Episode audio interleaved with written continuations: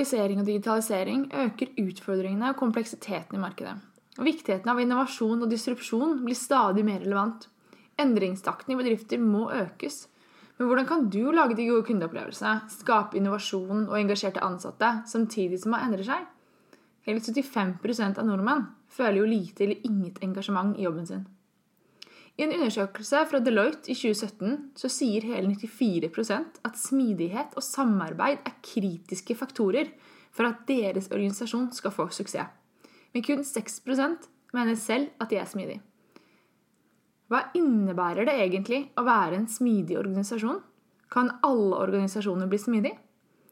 Dette og mer ønsker vi å diskutere gjennom Smidigpodden. Vi håper på å finne noen av svarene. Jeg heter Ida. Og jeg heter Tobias. Velkommen til Smidigpodden. Velkommen til episode tolv av Smidigpodden. Vi er eh, på del fire nå av DevOps-samtalen Samtalen. samtalen vår med Marley. Eh, kjempespennende samtale. Kjempemoro. Så her får dere enda litt mer om DevOps. Vi kjører rett i gang. Yes. God lytting. Nå er du også inne på noe veldig spennende, og det er jo monitorering. Og det er også noe flere har nevnt i spørsmål. Ja. Hva, hva tenker du liksom er Hva er det man burde monitorere, visualisere?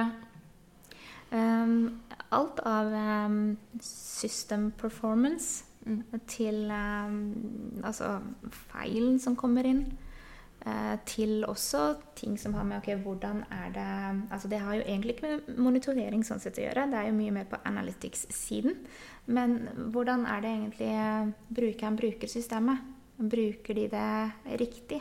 Får vi ut den gevinsten som vi tenker at eh, eh, den skulle gi når vi utviklet den? Eh, eventuelt hvor er problemene i det vi har laget, da.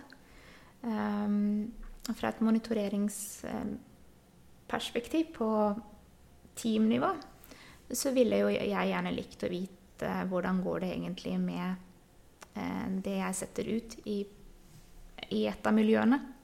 Eh, og hvordan går det når den er i produksjon.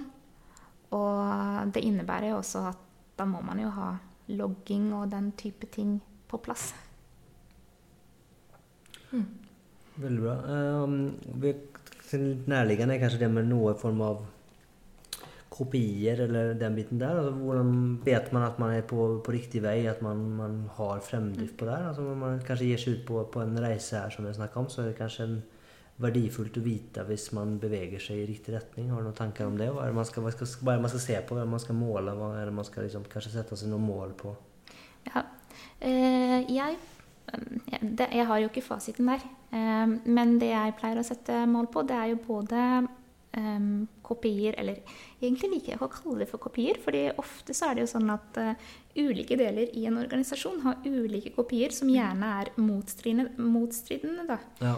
Um, så det første jeg liker å gjøre, er egentlig se er det noen muligheter for å fjerne disse kopiene, og heller få en felles kopi, og jeg, som da, eller, eller felles mål, som sånn sett er knytta opp mot det organisasjonen på toppen ønsker å oppnå. Og da kunne ta det ned til teamnivå. Um, og da både med tanke på mål som har med å skulle oppfylle en verdi for eh, organisasjonen.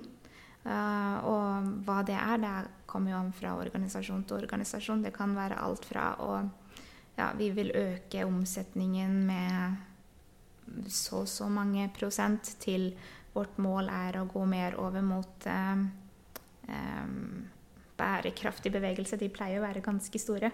Men det å forsøke å få dem med hva vil dette si for dette teamet? Eh, sånn at de føler at de eh, er med på ehm, å dra organisasjonen mot den, det større målbildet. Det er én ting.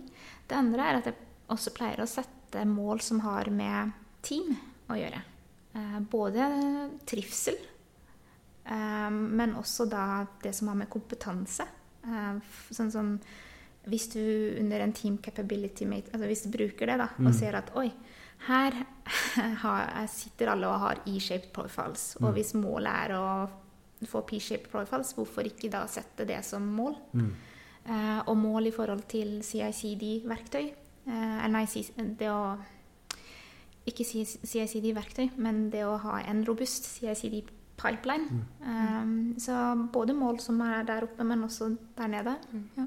Har du vært borte i på at kanskje måle, eller så ha noen mål på jeg vet ikke, antall produksjonssettinger, eh, tid fra idé til produksjon, eller, idé, eller tid fra innsjekket kode til produksjon, sånne typer mer hva skal jeg kalle det, tekniske kopier? Er det du har erfaring med? Ja, um, ja, vi kan jo sette dem også, men uh, det eneste er at Én ting er hvis du går til Netflix eller Google eller, eller noe sånt. De produsetter jo hver eneste måned Nei, jeg mener hver eneste Minutt? minutt.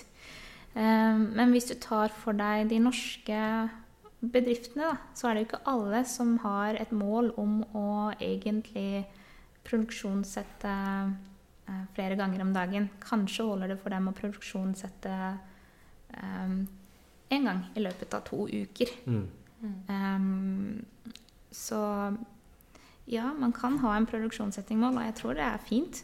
Um, men jeg tenker at det kommer helt an på hvor Forretningsbehovene, Ja. eller hvor man står? da. ja. Mm.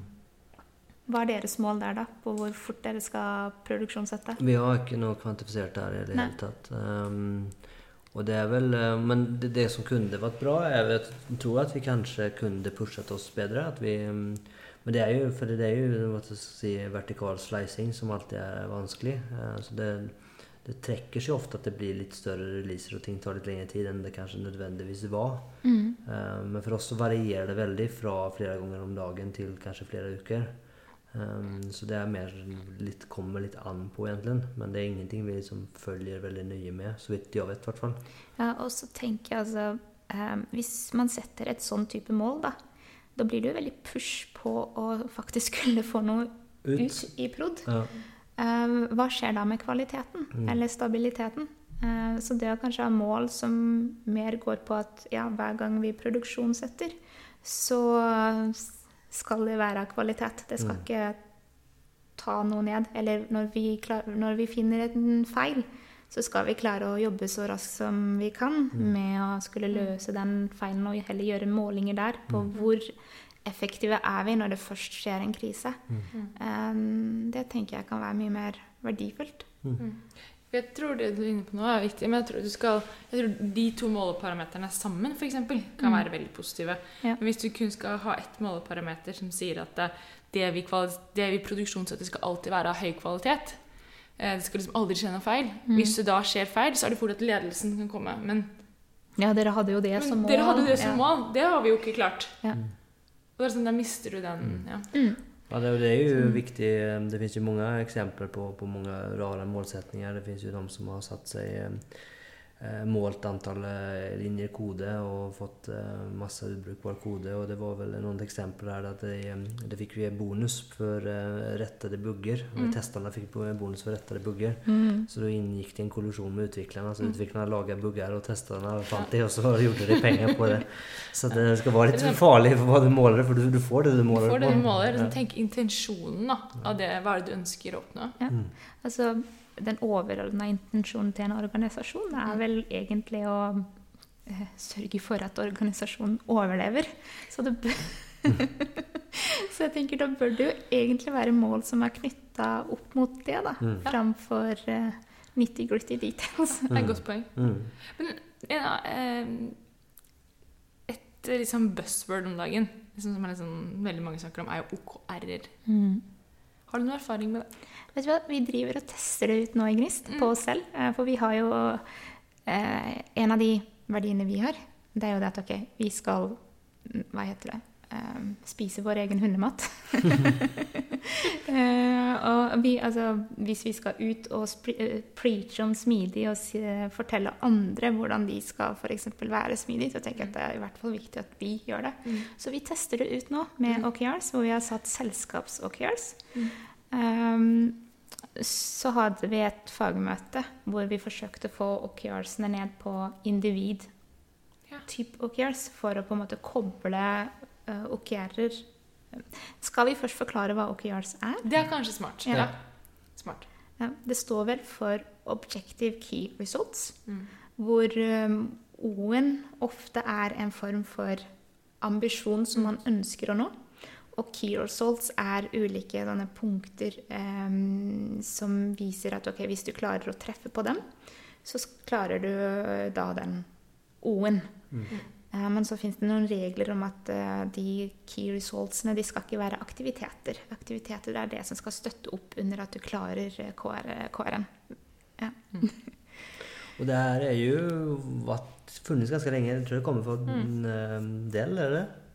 IBM? IBM er det sikkert. Er det IBM? Er det ikke? Ja. Tror, ja, ja, ja, litt usikker. Men, men det har ju, men det, det kom jo veldig oppsving. Det var vel den her eh, boken som kom ut eh, 2013 noen Eh, mesh, ting Measure tror jeg. Yeah, measure what matters. But, ja, for för det var vel der det tok litt, tok litt av da, Så det er jo ganske hett om dagen. Men jeg tror at det første gangen kom sånn på 80-tallet, eller någonting. Så det er ikke noe veldig nytt egentlig. Men det er jo väldigt mm, hett om i dagen. da. Det er i vinden, Ja. absolut. Så jeg, jeg, vi driver og tester det ut. Men jeg, jeg har personlig aldri jobbet med OKRs før. Men jeg har jobbet med PI Objectives. Eh, og jeg, i mitt hode så ligner PI Objectives veldig på OKRs, hvor man egentlig setter fokus for f.eks. tre måneder av gangen som et selskap eller flere team sammen. Eh, og det er jo bare bra, for da sikrer man jo at uh, flere team jobber mot de samme målene istedenfor at uh, man spriker veldig på målene. Da. Mm. Kan du forklare hva PI Objektiv er object- Objective ja, Det kommer egentlig veldig fra Safe, så dette har jo egentlig ikke med DevOps å gjøre sånn sett, men mer fra den agile ver verden hvor Safe er et av rammeverkene man kan bruke, som jeg har hørt dere har snakket om. Mye. Um, det jeg liker med Så PI Objective går jo ut på at man kvartalsvis setter en litt høyere ambisjon. Um, og da gjerne gjennom en form for seremoni hvor alle teamene er samlet. Og så forteller kanskje eh, øverste leder hva målet er, hvorfor vi har dette som mål.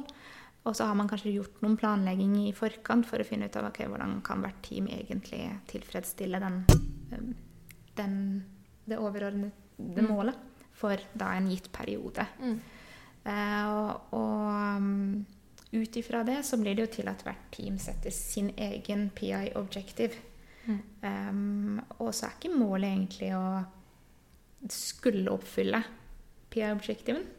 Men målet er å se klarer vi det her. Og hvis man ikke klarer det, hva var det som egentlig gjorde at man ikke det, klarte det for å lære av det? Mm. Satte man kanskje for høye ambisjoner?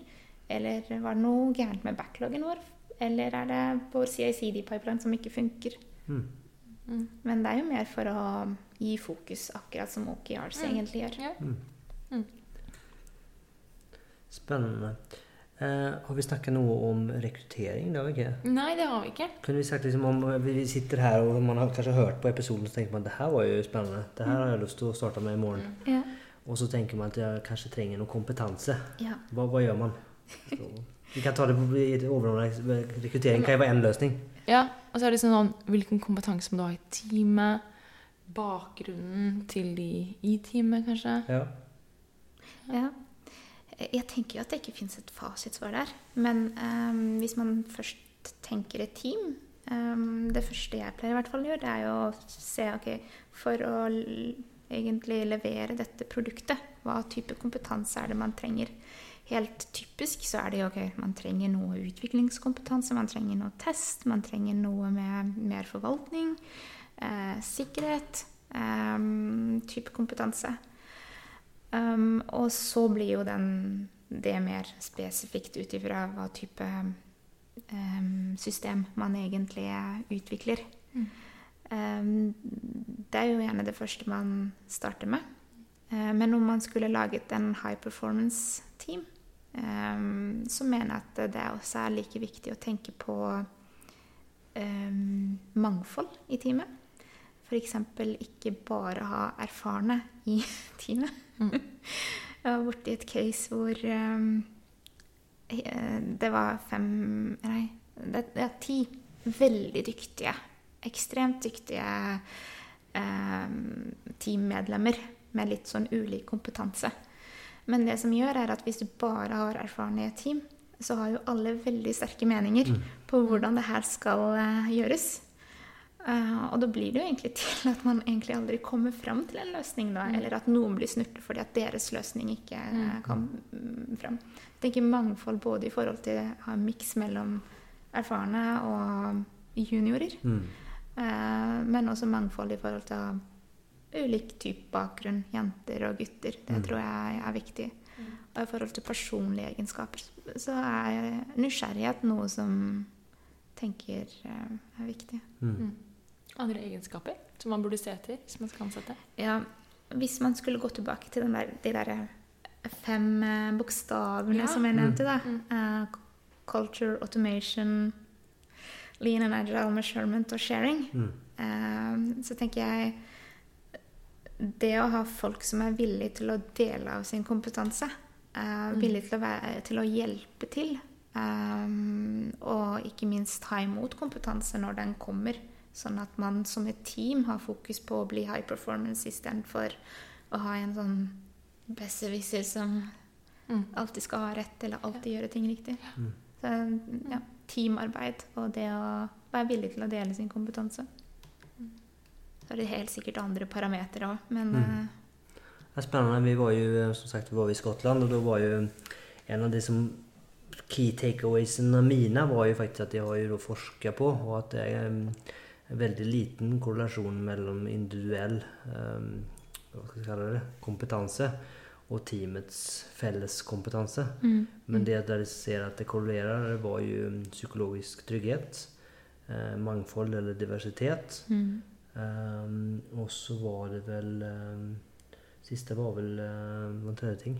Jeg er litt usikker. Men jeg tror det var egentlig at det måtte, som ligger kanskje litt under psykologisk kompetanse, eller um, psykologisk trygghet, var jo at uh, måtte lik taletid. da, At liksom at alle blir hørt og lyttet til. da, At du har liksom, gode diskusjoner og får det til. da. Så det er veldig interessant egentlig at det, liksom, det andre ting enn enn at du er veldig veldig god på din ting, som kanskje ikke nødvendigvis er og Spesielt som du sier, får du et team der alle er eh, overbevist på at de er veldig gode òg, så er det kanskje mer en hemsko enn noe annet. At man er mer opptatt av å få rett enn at faktisk få fremdrift. Og det er ikke helt heldig. Nei. Um, ja, jeg pleier alltid å starte um, hvis jeg, i, I de oppdragene hvor det har vært sånn coaching, da, så pleier jeg iblant å ha en sånn sesjon som kun fokuserer på teamverdier. Ehm, hvor egentlig det er, det er en form for Post-It-sesjoner, men Mm. hvor vi egentlig snakker om verdier. Og dette her er jo veldig ofte bare menn som ikke er så veldig interessert i å snakke om følelser og eh, abstrakte ting som verdier. Så de pleier å bli veldig sånn OK. eh, hva, hva er dette? Hvorfor gjør vi dette? Men resultatet av sesjonen skal jo egentlig bli til en form for teamversjon.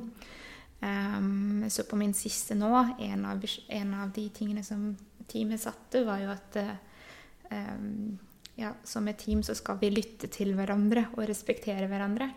Um, og det jeg ofte syns er interessant, er at det teamet setter seg som verdier, er ofte de punktene teamet egentlig sliter med.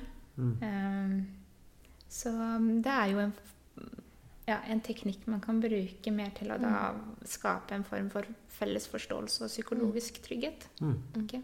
Kult. Spennende. Det syns jeg er egentlig veldig interessant at teamet setter sine teamverdier også. Fordi jeg har litt problem med Eller ikke problem, det høres ut som jeg Men litt med det at organisasjoner ofte har verdier. Og så forventer de at alle ansatte skal være aligned med de verdiene. Men en organisasjon kan jo per definisjon ikke ha verdier. Det er jo menneskene, Det er menneskene i som har organisasjonen verdier. som har verdiene. Og det da teamet sammen blir enige om hva er våre felles verdier som alle kan kjenne seg igjen i, det tror jeg er veldig fint Mm. for teamet. da. Mm. Og at de er aligned for det. Ja, jeg har vært eh, Når jeg var smidig så har jeg kjørt sånne type øvelser og faktisk tatt glede av det. For da kan man også i måtte referere tilbake til det da, i en retro eller i en konflikt. Så men vi, var jo, vi var jo enige om det her. Mm. At det er sånn her vi behandler hverandre på denne måten vi kommuniserer. Hvordan føler dere nå at vi gjør det? Nei, det var jo kanskje ikke helt i henhold, og da kan man liksom få en, en større grad av måte, selvrefleksjon og en kanskje forståelse på at vi kanskje ikke er helt der vi ønsker å være som gruppe. Da. Mm. Det er et veldig effektfullt verktøy. Da. Ikke sant? Og så er det jo også mulig å bruke Altså om man bare har den sesjonen og ja, putter den i en skuff og glemmer den, eh, så gir det jo sånn sett ikke noe verdi. Men som, som du sier, bruke den i retrospektiv eller bruke den for å sette teammål, Mm. eh, så blir det jo faktisk et nyttig verk ver- verktøy. Mm.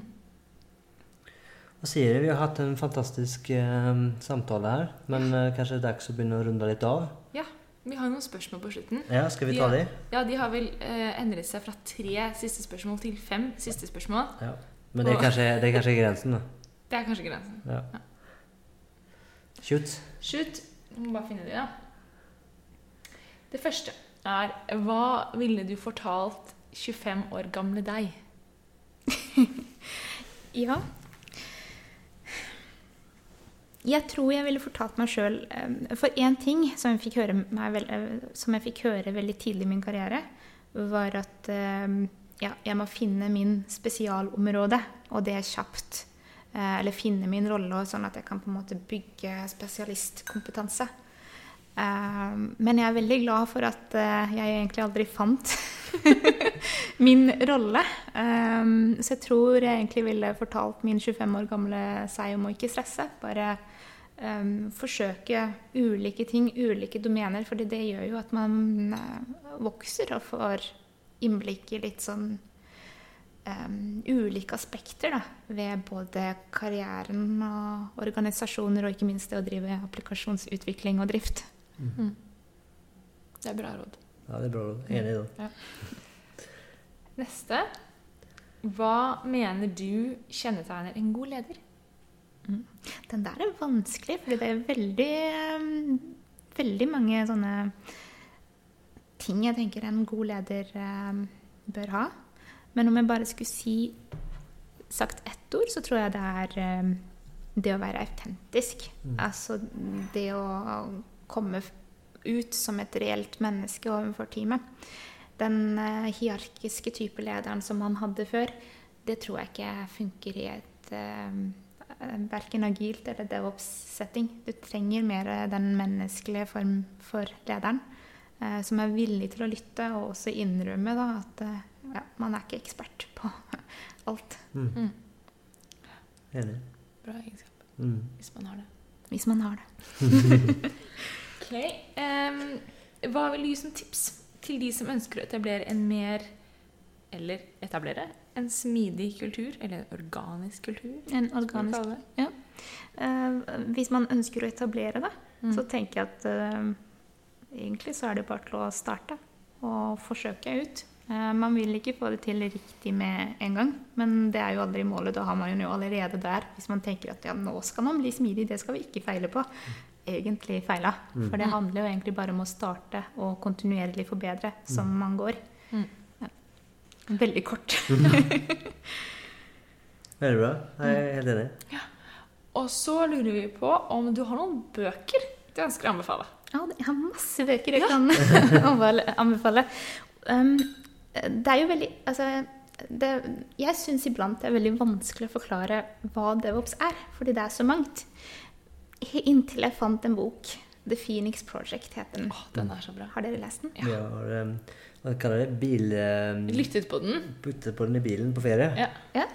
Um, så for folk som er nysgjerrig på hva det er, hva det innebærer, og hvordan en organisasjon egentlig går gjennom en sånn reise, så tenker jeg The Phoenix Project er veldig god å starte med. Det kan vel sies at det, jeg vet ikke hva man skal, det heter vel, Sjangeren heter vel sikkert noe spesielt, men det er jo ikke en um, fagbok, det er jo en story. En morsom story. En morsom story, men som forklarer og problematiserer litt rundt eh, Hva skal vi kalle det? En eh, DevOps-transisjon, kanskje vi kan kalle det. Så det er jo en ja, lettlyttet, spennende bok, egentlig. Der du, du både får en spennende story samtidig som du lærer deg noe nytt samtidig. da.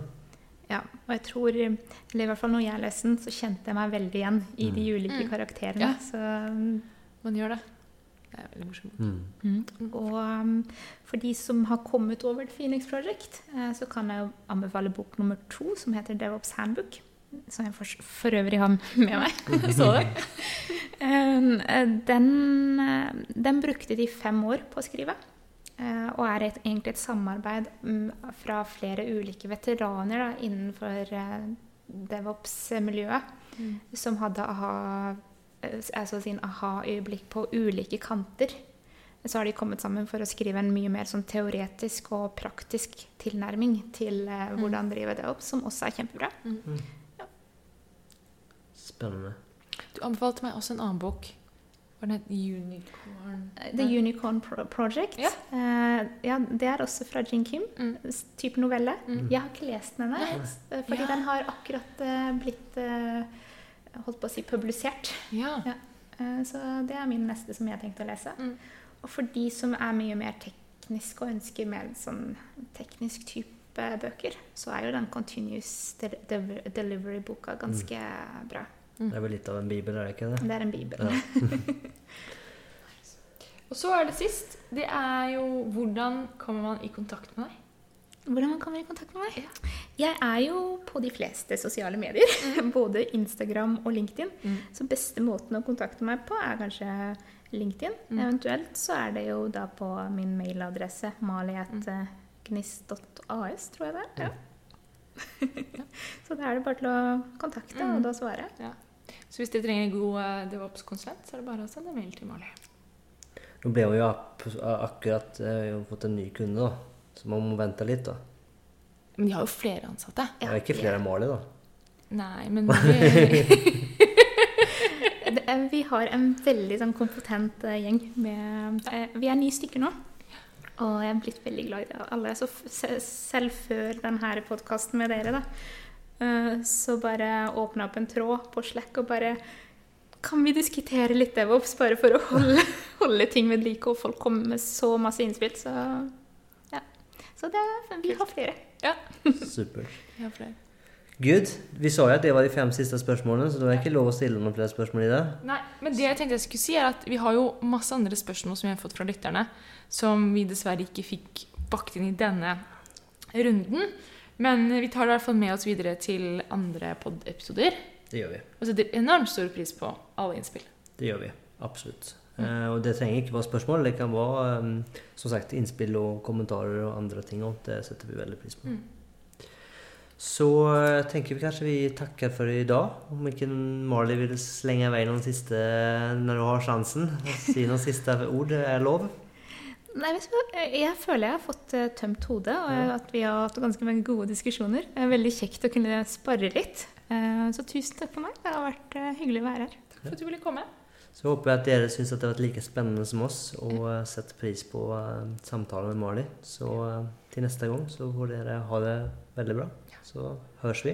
Yes. Ha det bra. Ha det. Dette var siste delen av praten vår med Mali. Jeg håper at dere syns at det har vært en fantastisk eh, si, reise, nesten. En Ja. DevOps, vi skal kalle det en DevOps-reise. DevOps-reise. Ja. Eh, og at dere har lært like mye som vi har gjort. Ja. Det ble jo litt lenger enn det vi hadde planlagt. Det ble det. Ja. Men vi syns det ble noe bra ut av det, og vi håper dere har lært masse og kost dere med lyttingen. For det har vi gjort. Eller lyttingen, pratingen, samtalen. Ja. Ja, ja, det har vært veldig bra. Ja. Og som vanlig så vi veldig, setter vi veldig stor pris på all type av feedback og interaksjon. Så har dere noe på hjertet, kanskje bare positiv feedback, eller kanskje noen forbedringspunkter, noen ønsker, noen forslag på gjester, Spørsmål. noen spørsmål, hva det enn måtte være, så ikke nøl å ta kontakt.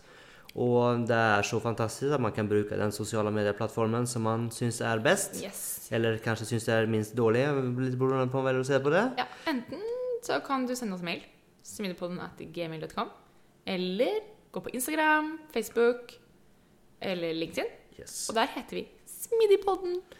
Så eh, til neste gang, ha det bra. Kos dere, så høres vi. Vi høres. Ha det! Ha det!